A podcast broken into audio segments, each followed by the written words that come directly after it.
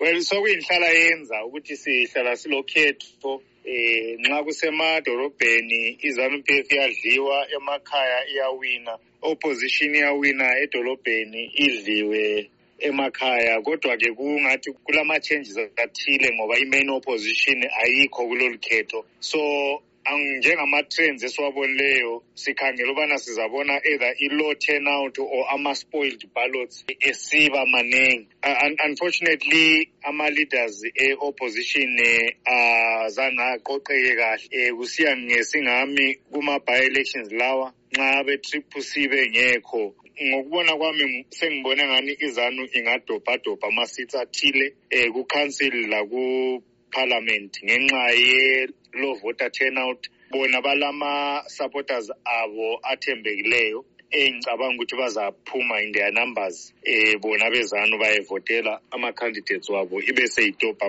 ama-seats athile um njengana kuvukwa kusiyavotwa nje kusasa ye kodwa siyabona phela ibandla le-ccc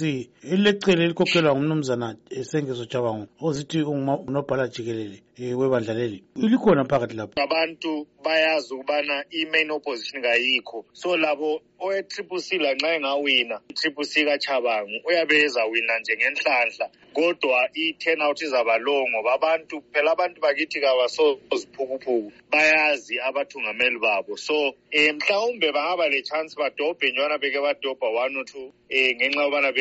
begijimele enkantolo bayavalela laba abavele befunwa ngabantu ye uya phambili ukhetho lunje ungathini ngalo ngenxa yokuthi sililizwe